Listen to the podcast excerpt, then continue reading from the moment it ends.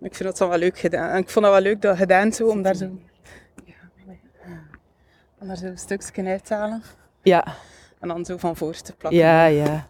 Trekt de mensen zo direct Ja, ja, ja, ja, ja. de aandacht. Dat, dat vind ik ook wel leuk. Mensen vinden bloopers ook gewoon de max, hè? Mijn, ik denk mijn best bekeken post op LinkedIn ooit is, eh, is die waarin ik over een blooper vertel. ja, eh, wel ja. Ja, mensen houden een beetje van Dat, beetje dat is authenticiteit, hè? Ja, Oh, voilà. Ja. Dat denk ik ook niet juist. Het is hier goed hangt zo. Maar we gaan beginnen. Hè. Oké.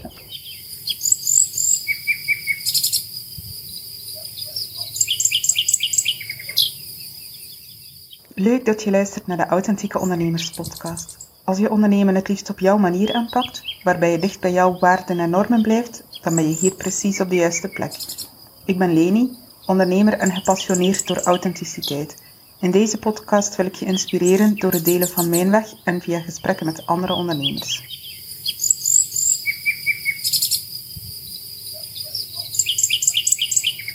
Voor de eerste aflevering van 2023 Oké. ben ik op stap in, eh, in mijn achtertuin bijna. De Assels in Drongen. En eh, ik ben hier niet alleen. Ik ben hier samen met Lieve Galle. Lieve is eh herboriste en wildpluk-expert. En wie mij al een beetje kent, weet dat mij dat ook wel intrigeert. Dus ik ben heel benieuwd naar deze aflevering. En eh, welkom, Lieve. Dankjewel, Leni. Fijn dat je hier bent. En vertel eens aan de mensen, wie ben jij, wat doe je en waar kunnen mensen jou vinden? Ja, ik ben Lieve. Ik ben dus inderdaad eh wildpluk-expert en herboriste. Ik heb ondertussen al meer dan 20 jaar ervaring. Ehm, bij mij kunnen mensen leren wildplukken zonder de natuur leeg te roven en zonder liefst op de spoedafdeling van het ziekenhuis te belanden door een vergiftiging. Eh, dat zijn zo'n beetje mijn kernwaarden. En ik, eh, ja, ik, ik doe dat op verschillende manieren. Ik heb een boek geschreven in het wild geplukt. Maar je kan bij mij ook bijvoorbeeld een jaaropleiding wildpluk volgen, zowel live als online. Ehm, en ik woon hier in de Assels, dus ik ben ook echt in mijn eigen achtertuin nu aan het wandelen met jou. En ik woon hier sinds eh, ja, een jaar of vijf zal het ondertussen zijn. En ja, ik, ik heb eigenlijk altijd in de stad gewoond hiervoor. Eh, en waar het ook absoluut mogelijk is om te wildplukken. Eh, zeker en vast. Maar hier wonen heeft toch mijn ja, relatie met de planten nog een extra dimensie gegeven, ik ga het zo zeggen. Een stukje verdiept, een stukje... Ja, de natuur is hier zo alom tegenwoordig, dat het echt nog meer deel uitmaakt van echt quasi elke minuut van mijn dag. Ja, in de stad is het waarschijnlijk soms toch net ietsje meer zoeken.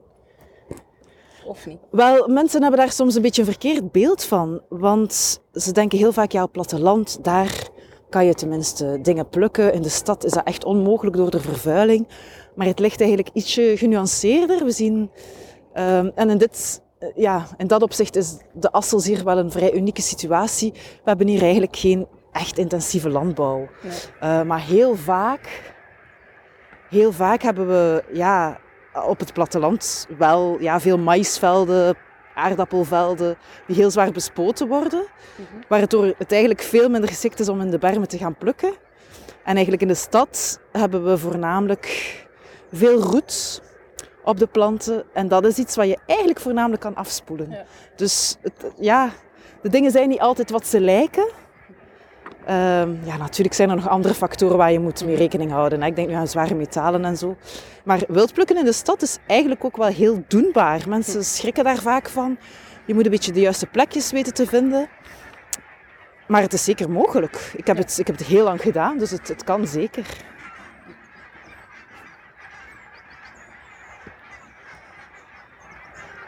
En als mensen eh, hier nog meer over willen weten, waar kunnen ze jou vinden? Eh, op mijn website kruidencursus.com of op Instagram of Facebook. eh, daar is het at wildplantforager dat je mij kan vinden. In het Engels. In het Engels, ja.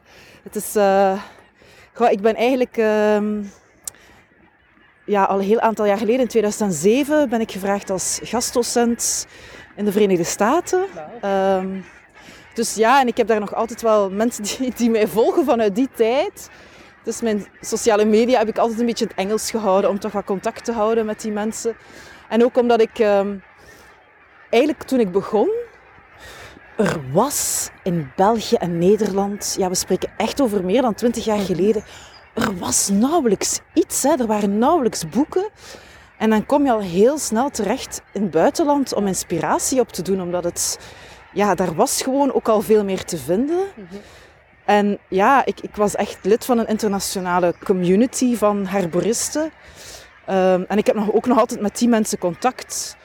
Want dat vind ik ook nog altijd, ja, een grote bron van kennis en van uitwisseling. Ja. Ja, ik denk dat dat in elk vakgebied fijn is om uit te wisselen Ja, absoluut. mensen die er ook anders naar, naartoe kijken soms. Ja.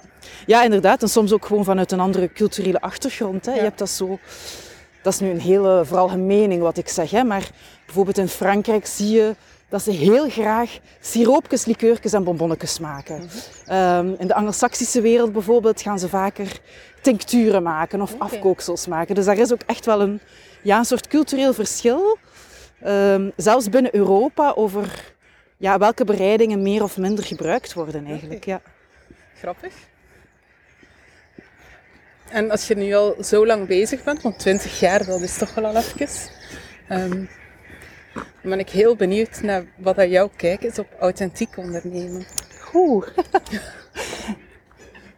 Dat is een goede vraag. Ik doe mijn best.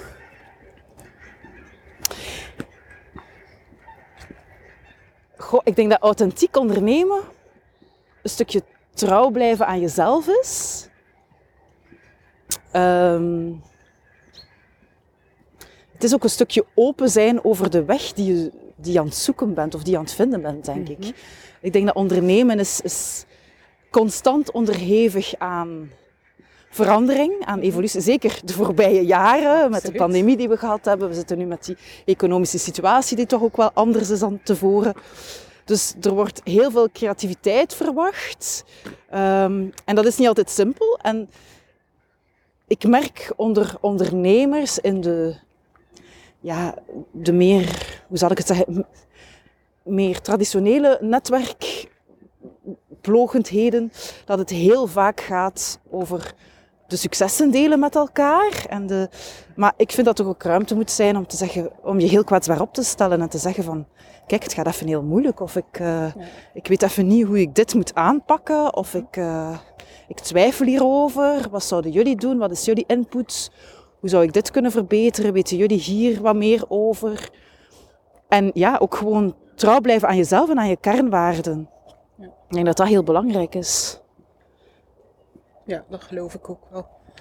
En ik vind het ook mooi dat je zegt om inderdaad een stukje van je reis te laten zien. Met de, de ups, maar ook de downs. Ja. Ja. Ja, want ik denk uiteindelijk, die, die, die hebben we allemaal, hè? als mens en als ondernemer. Ik heb bijvoorbeeld zelf ehm, toch nog wel geregeld last van het imposter-syndroom.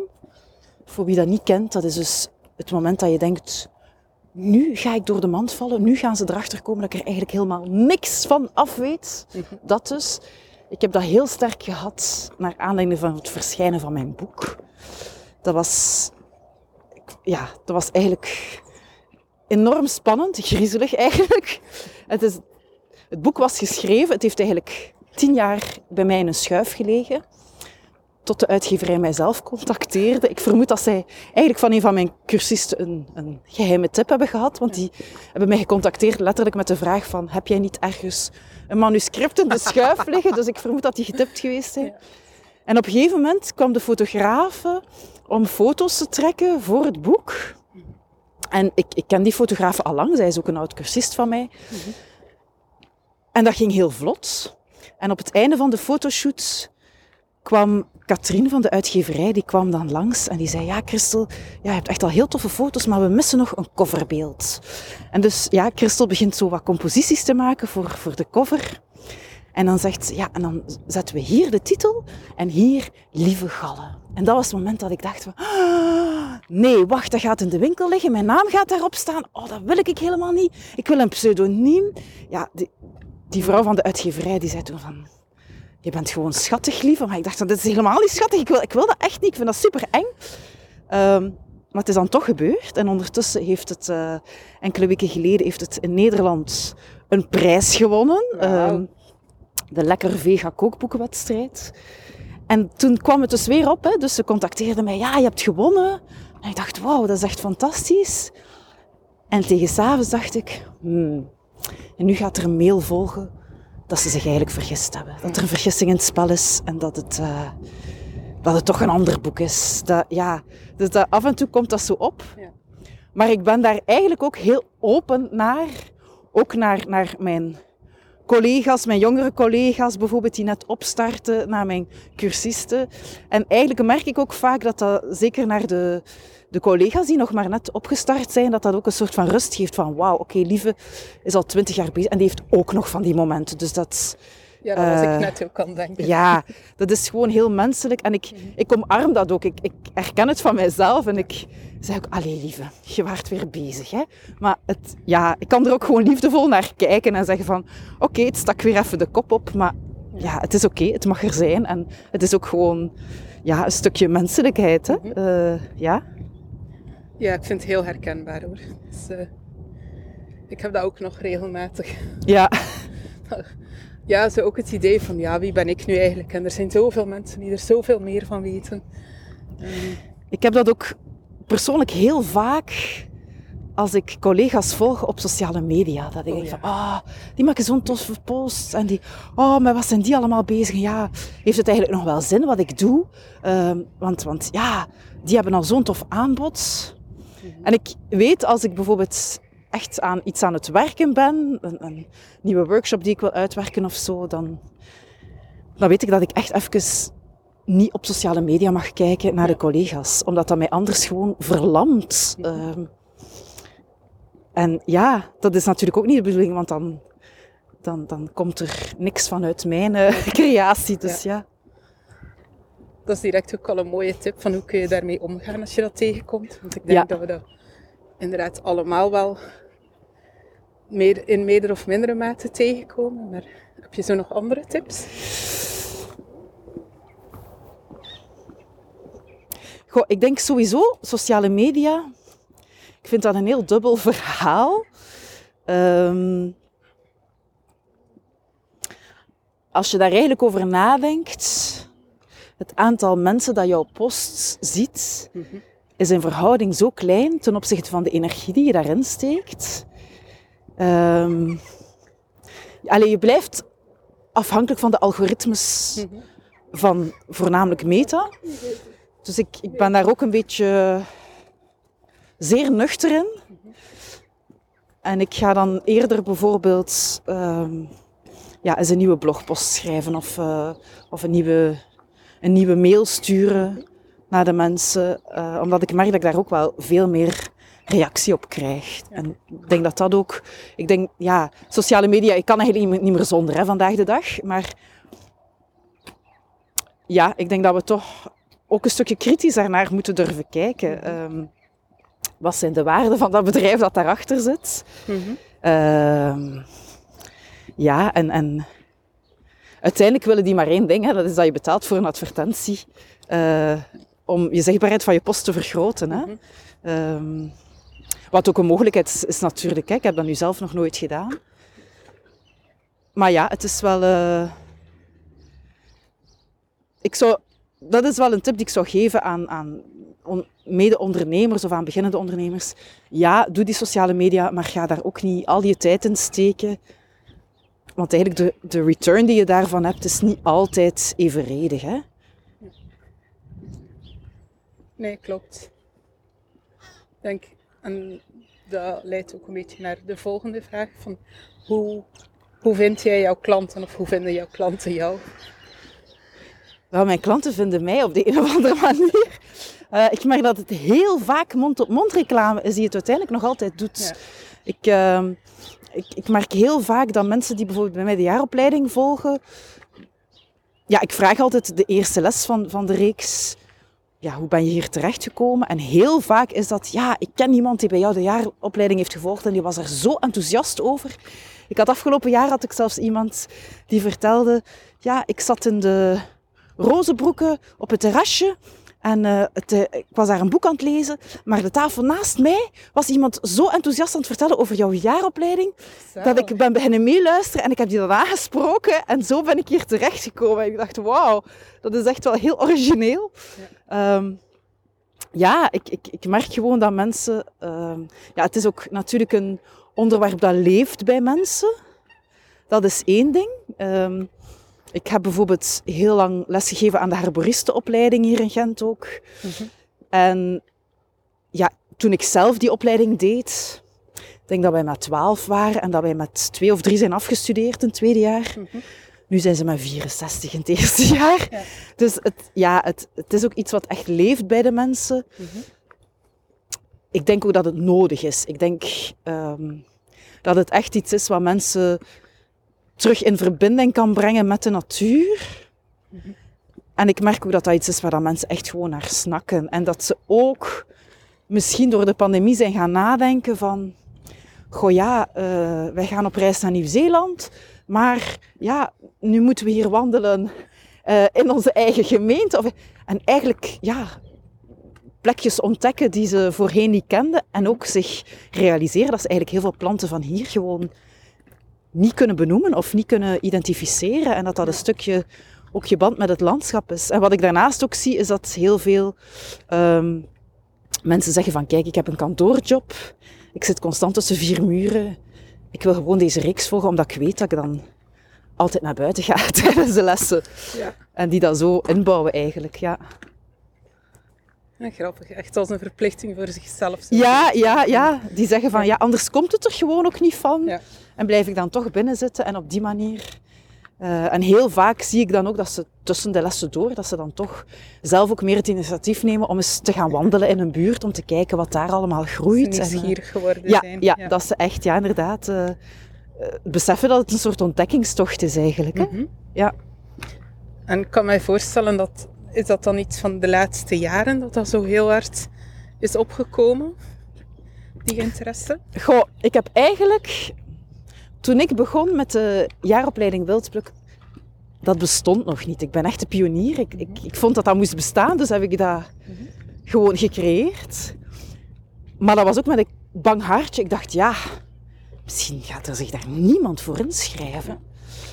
Maar dat bleek een ongegronde vrees. Want die eerste reeks zat meteen vol. Ik heb dan, datzelfde jaar heb ik nog een tweede reeks gedaan.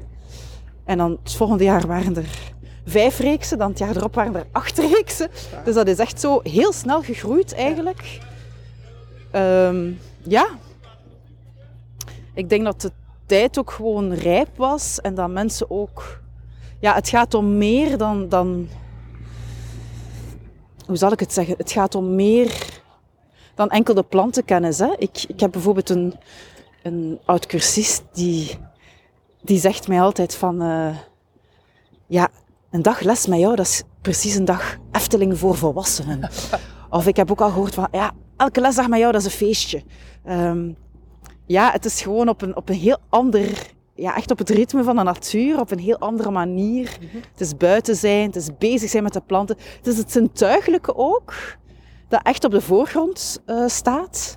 Want je gaat de plant natuurlijk niet alleen bekijken, maar je wil die ook betasten, besnuffelen. Dat zijn allemaal heel belangrijke dingen om een plant te kunnen identificeren. Want soms mm-hmm. ziet de plant eruit alsof het een glad blad heeft, maar op het moment dat je eraan voelt, denk je, mm, toch een behaard blad. Ja. Dus dat zijn heel belangrijke dingen eigenlijk. Je moet echt in dat zintuigelijke duiken om planten correct te kunnen determineren. Ja. Ja, en dat brengt denk ik mensen ook een stukje terug in, in, het, in het zijn gewoon. Ja, ja. ja echt in het hier en nu. Ja. En, en een stukje dichter bij zichzelf ook op de een of andere manier. Ja. Ik heb wel eens gehoord van een...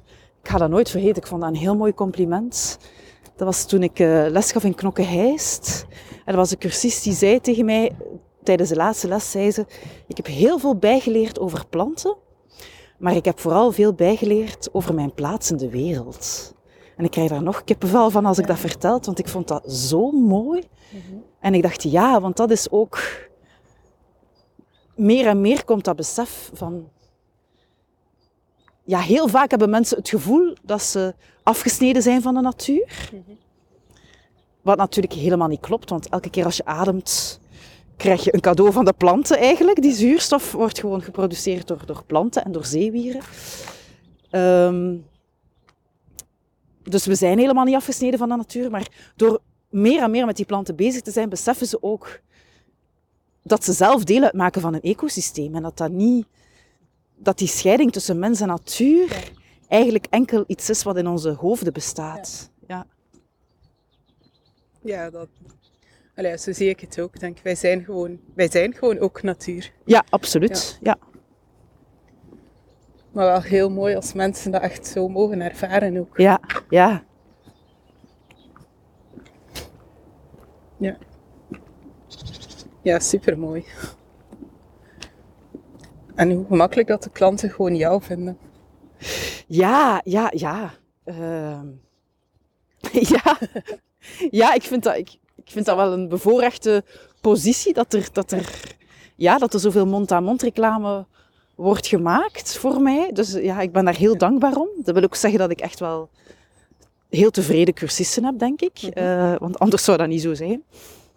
Dus ik, eh, ja, en natuurlijk, ja, er zijn nu ook mensen die zeggen, ja, ik heb jou leren kennen via jouw boek. Ehm, veel mensen in Nederland ook, want dat merk ik wel voor de online jaaropleiding, dat er steeds meer mensen uit Nederland eh, mij weten te vinden.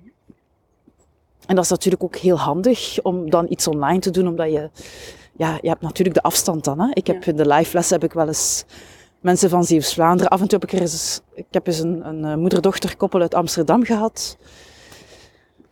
Maar ja, bedoel, mensen uit Friesland gaan echt niet eh, naar de Assels en Drongen komen om bij mij les te volgen. Dus dat is wel prettig op die manier. En ik heb ook gemerkt dat eigenlijk zonder, zonder corona had ik nooit die omslag naar online gemaakt. Omdat ik ook niet ervan overtuigd was dat je dat kon leren met een online cursus, het wild plukken. Maar nu zie ik eigenlijk, ik zie dat ook in de community, waar dat mensen van alles posten, wat ze geplukt hebben, wat ze gemaakt hebben. Nu zie ik dat het wel kan. Ja. Ehm, maar ik merk ook dat je zo een heleboel mensen bereikt, die het zij door afstand je anders niet zou bereiken, maar ook mensen die mij echt mailen, die zeggen, goh ja, ik, eh, ik heb een chronisch zieke man waar ik voor zorg. Ik, eh, ik kan niet zomaar een hele dag het huis Ja. uit om les te volgen, maar op deze manier kan ik het toch volgen. En dat vind ik ook wel heel fijn, dat die mensen, of mensen die zeggen, ja, ik, eh, ik heb ASS, ik vind het heel moeilijk om in een groep te functioneren, maar op die manier kan ik ook wel jouw plantenkennis leren. En dat is, dat is wel heel fijn natuurlijk, dat je die mensen ook bereikt.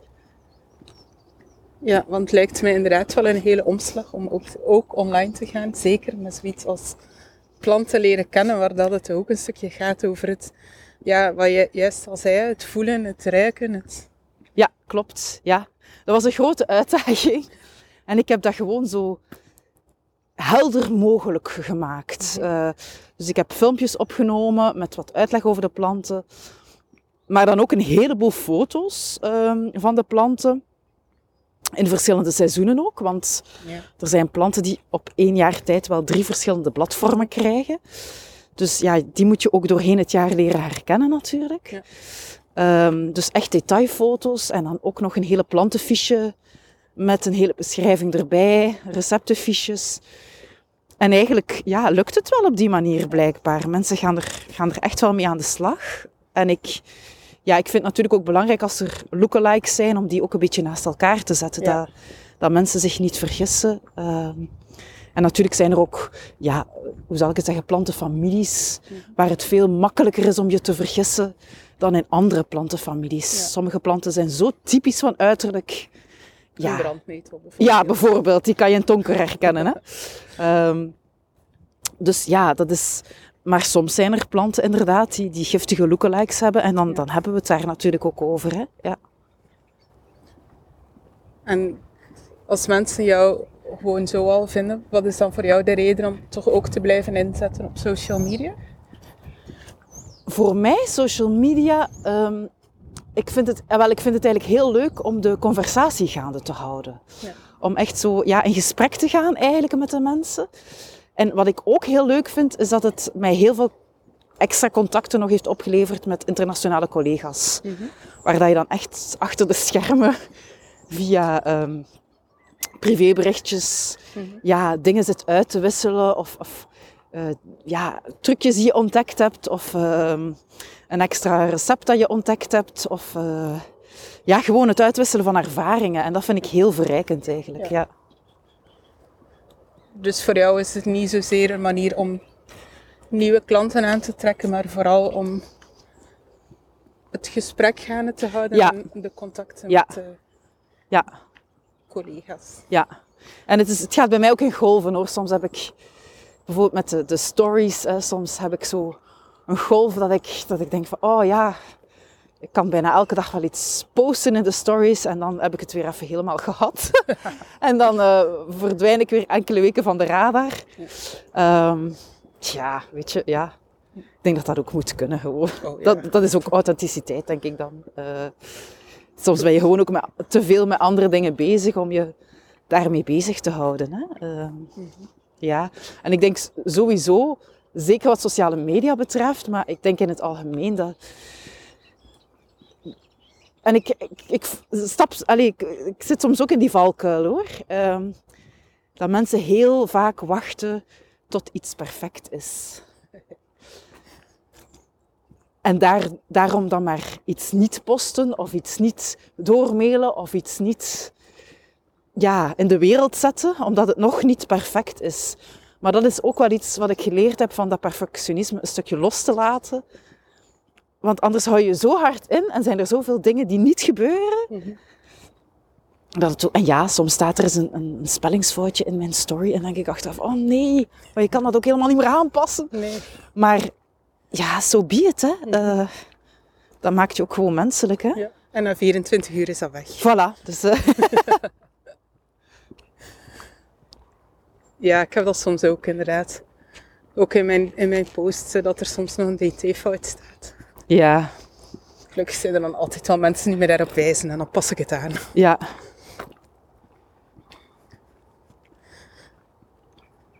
En hoe moeilijk is het voor jou om het perfectionisme los te laten? dat is iets wat ik echt heb moeten leren. En ik denk dat dat voor een stuk ook gekomen is door moeder te worden. Ik denk dat dat daar een heel belangrijke factor in geweest is. Ik heb namelijk een tweeling, dus dat is Wauw. perfectionisme en een tweeling. Dat gaat echt niet samen. Er is geen ruimte voor perfectionisme als je twee baby's hebt. Dat, is- ja, dat gaat gewoon niet. Je moet gewoon, eh, ja, zeker toch dat eerste jaar, de eerste jaar en een half, is toch wel een beetje de overlevingsknop die dan wordt ingeduwd. Ja. Ehm, maar ja, het, het, ja, dat was eigenlijk iets dat, eh, dat voor mij de doorslag gaf om dat perfectionisme een stukje ja, los te laten. Noodgedwongen ook, omdat het, het ging gewoon niet anders. Ofwel bleef ik perfectionistisch en dan dan ga, ga je er eigenlijk aan onderdoor. Ja.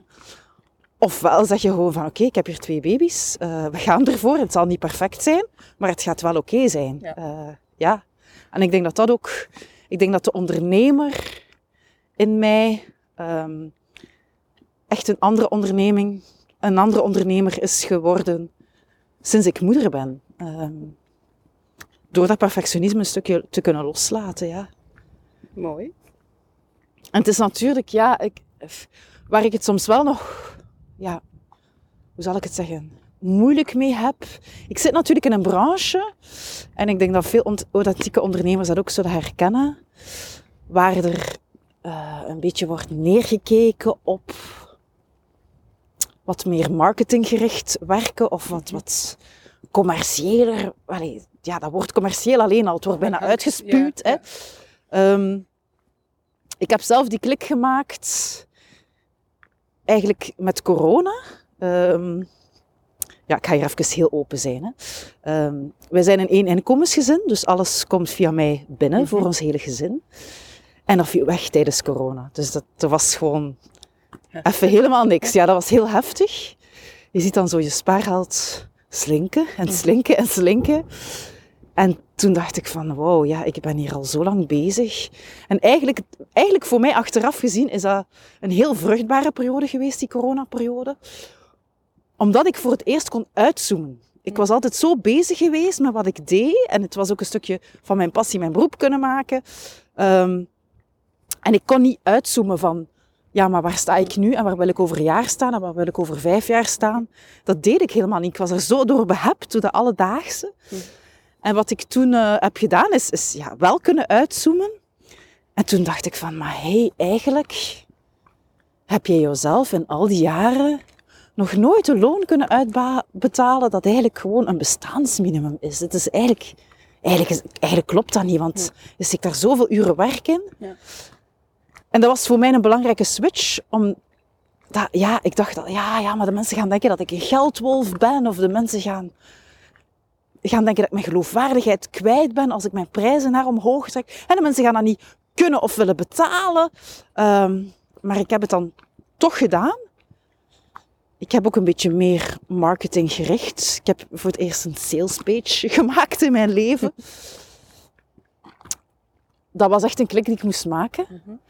Maar aan de andere kant dacht ik, ja, maar... Bedoel, de, de grote bedrijven van deze wereld, die worden toch altijd maar rijker. Waarom zou ik dat niet gewoon op een faire en eerlijke manier mijn boterham mogen verdienen? Ik bedoel, dat, dat klopt langs de kant ook niet, hè? Mhm. Ehm, en ik heb daar wel wat commentaar op gekregen. Eh, toen ik voor het eerst zo, ja, een sales page maakte en zo wat meer marketinggerichte mails begon te versturen. Ik heb daar echt wel commentaar op gekregen. En er zijn ook mensen die echt, ja, die mij de rug toegekeerd hebben. Mhm. Ehm, ik heb daar eigenlijk niet van wakker gelegen. Ehm, wat mij eigenlijk verbaasde dat ik daar niet van wakker lag. Maar ik had, het was ineens gewoon helder voor mij. Ik dacht van, kijk, op al die jaren tijd ga ik, ga ik blijven zo altijd op randje van armoede leven? Of ga ik nu echt gewoon op een eerlijke manier mijn boterham verdienen? Het is, het is iets moois wat ik in de wereld zet. Absoluut. Het is niet mijn ambitie om multimiljonair te worden of zo, of zelfs gewoon miljonair. En zelfs ik- al was dat wel zo. Ja, zelfs al was dat wel zo, dan was dat zo. Maar ik, ja, ik wil gewoon... Want dat is ook iets wat ik vind als ondernemer. En daarom vind ik een netwerk van ondernemers ook zo cruciaal. De fout die ik ook heel lang heb gemaakt, en dat is misschien ook nog een goede tip voor mede-ondernemers. Ik heb heel lang over mijn onderneming gesproken met de mensen uit mijn cirkel waarbij ik altijd terecht kon met al mijn vreugde, mijn verdriet, met, met ja, alles eigenlijk uit mijn leven. Maar dat waren geen ondernemers. En dus kunnen die eigenlijk ook niet de draagwijdte inschatten van dat soort gesprekken. Die denken, oh ja, ja, dat zou ik toch niet doen hoor, lieve. Maar dan denk ik, ja, door daar met onderne ondernemers kijken echt met een andere bril daarnaar.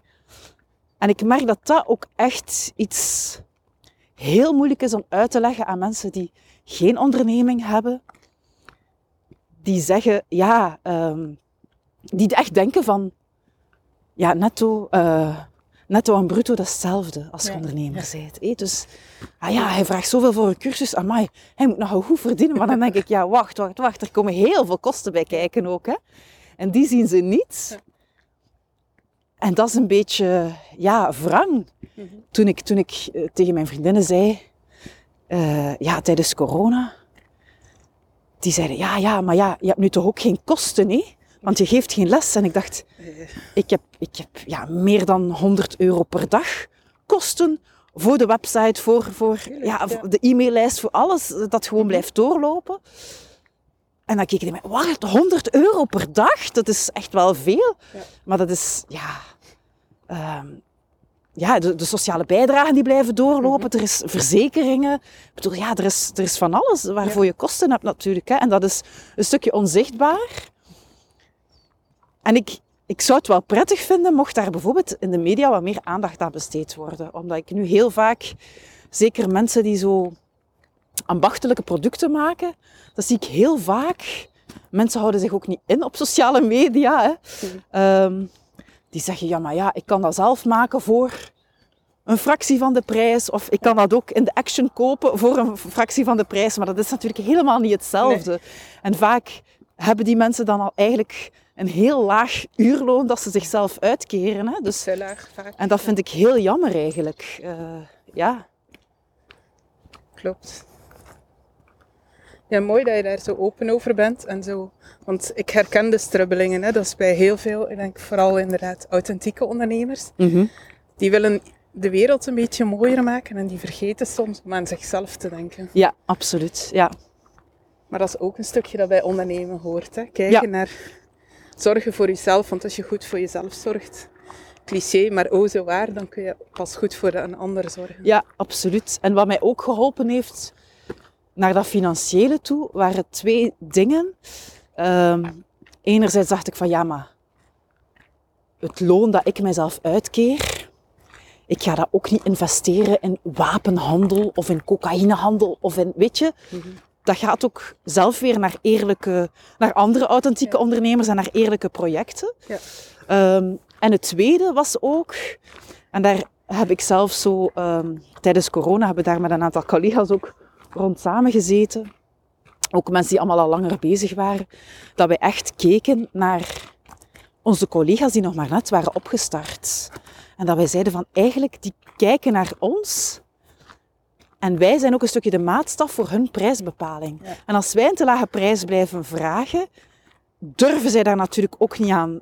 Ja, dan, dan vragen zij nog minder. Ja, want Waardoor zij die ervaring. Ja, voilà, waardoor zij gewoon helemaal geen overlevingskans hebben. Dus het heeft enerzijds te maken met een soort fairness naar jezelf, maar ook naar je collega-ondernemers, die, die ook moeten kunnen overleven. Ja. En dat is ook belangrijk. En ik denk, wat mij opvalt, is dat heel vaak, dat is ook weer een veralgemening nu, maar dat heel vaak mannen het daar minder moeilijk mee hebben met die prijszetting dan vrouwen. En ah, dat is nog een tip die ik kan meegeven voor mede-ondernemers. Wat mij enorm geholpen heeft, is de website, dat is een gratis website, prijsinzicht.be.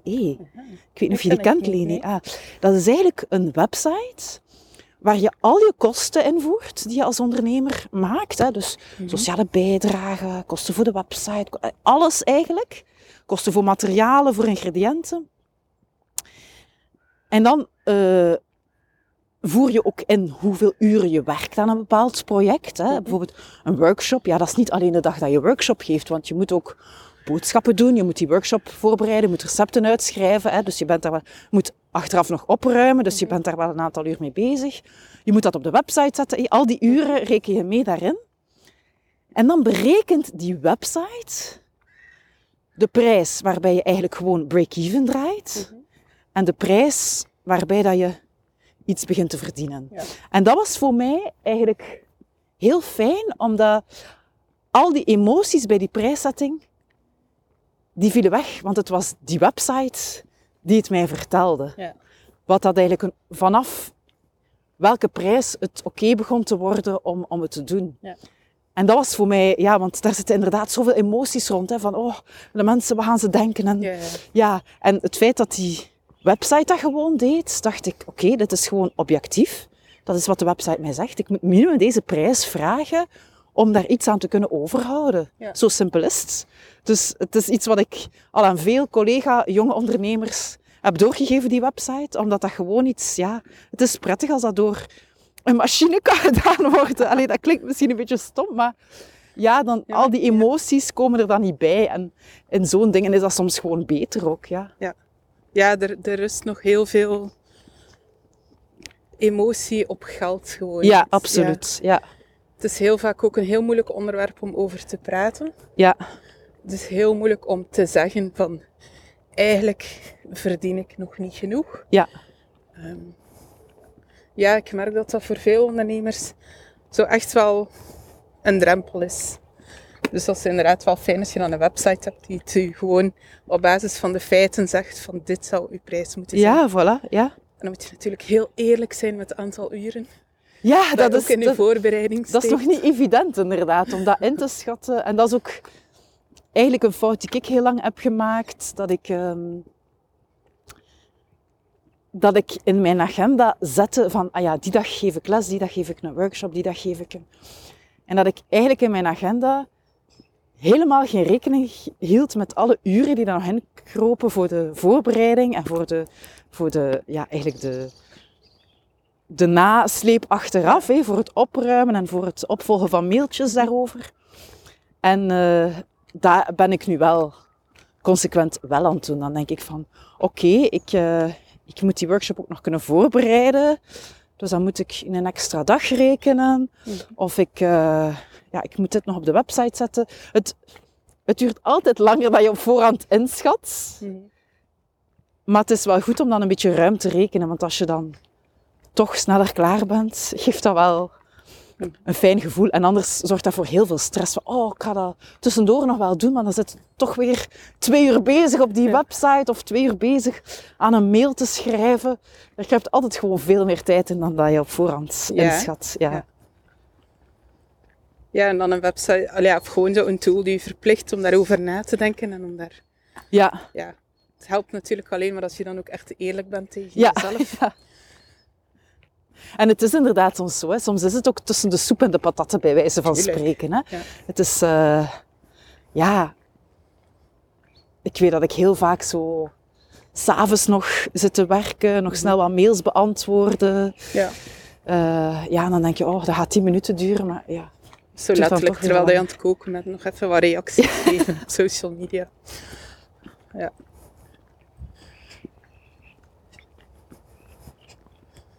Ja, maar dat is wel een hele goeie, inderdaad. En fijn dat je daar zo open over bent en jouw verhaal vertelt. Ik denk dat dat ook wel helpend is. ja ik, ik, ik vind het gewoon belangrijk om daar ook open over te Mhm. zijn. Het, ehm, want het is niet alleen mijn verhaal. Ik denk dat veel mensen zich daar gewoon ook in herkennen. En heel Ja. vaak denken mensen dat ze daar alleen in staan of dat ze. ehm, ja, maar we kunnen uiteindelijk maar allemaal leren van elkaar en elkaar een stukje ook ondersteunen daarin. Ik denk dat dat heel belangrijk is. Ja, ik denk dat is ook precies waar we bij de authentieke ondernemers voor staan. Om inderdaad dat Ja. stukje, om er gewoon voor elkaar te zijn. En weet je dat dat ook kan, zo dat open zijn over dingen dat je misschien moeilijk vindt. Ja, Dat je dat toch in een veilige omgeving kunt Mhm. een keer over sparren. Dan eh, denk ik dat we ongeveer aan het einde van, eh, van ons gesprek zijn. oké. Ehm, ja, je hebt wel al wat tips gegeven, maar ik vraag toch als afronding. ehm, heb je zo nog één tip die je nog wilt delen met onze luisteraars? Ja, ik heb nog één tip. Dit is natuurlijk, ik ga spreken vanuit mijn situatie. Eh, bijvoorbeeld mijn, mijn jaarreeksen, ja, ik leg dat vast in oktober, november voor het jaar erop. Dus mijn, mijn agenda zit echt al vast eigenlijk een jaar van tevoren. Maar wat ik eh, ook nog maar recentelijk geleerd heb, is ook echt in mijn agenda. Ik heb nog altijd een papieren agenda. Ik ook. Ehm, ik, ik vind dat gewoon het prettigste. Van echt, op het moment dat ik die planning vastleg, van ook gewoon een aantal weken van daar strepen door te trekken. Van kijk, die week ben je gewoon niet beschikbaar van meer rust en ruimte in te, in te plannen. Ja. Want het is een heel grote valken. En zeker voor mensen die zo heel passioneel zijn over wat ze doen. Wat ik denk dat bij veel authentieke ondernemers zo is Mhm. om die rustpunten uit het oog te verliezen. En ehm, ik denk dat ook creatieve ideeën vooral komen op het moment dat je, ja, dat je ruimte hebt in je hoofd. Hè? Ja. Ehm, dat je niet met honderd dingen tegelijk bezig bent. En ik denk dat die periodes ook gewoon heel belangrijk zijn. Dat je even kan... eh, ja, dat er... Dat je bijvoorbeeld enkel de allerbelangrijkste mails beantwoordt. Hè?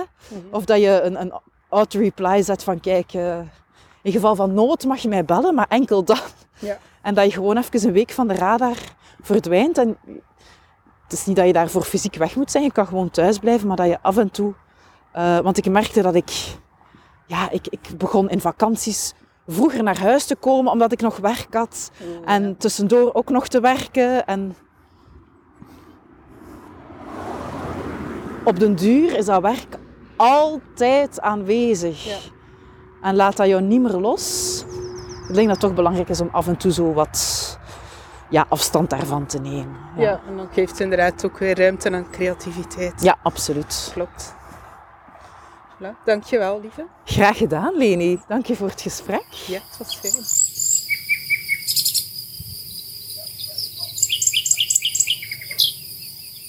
Wil je meer weten over de authentieke ondernemers of onze netwerkmomenten? Neem dan gerust een kijkje op onze website www.authentiekeondernemers.be. Vond je deze aflevering waardevol? Vergeet dan niet te abonneren, zodat je op de hoogte blijft van nieuwe afleveringen. En deel gerust op social media, zodat we zoveel mogelijk ondernemers kunnen bereiken en inspireren. Dankjewel alvast en tot de volgende aflevering.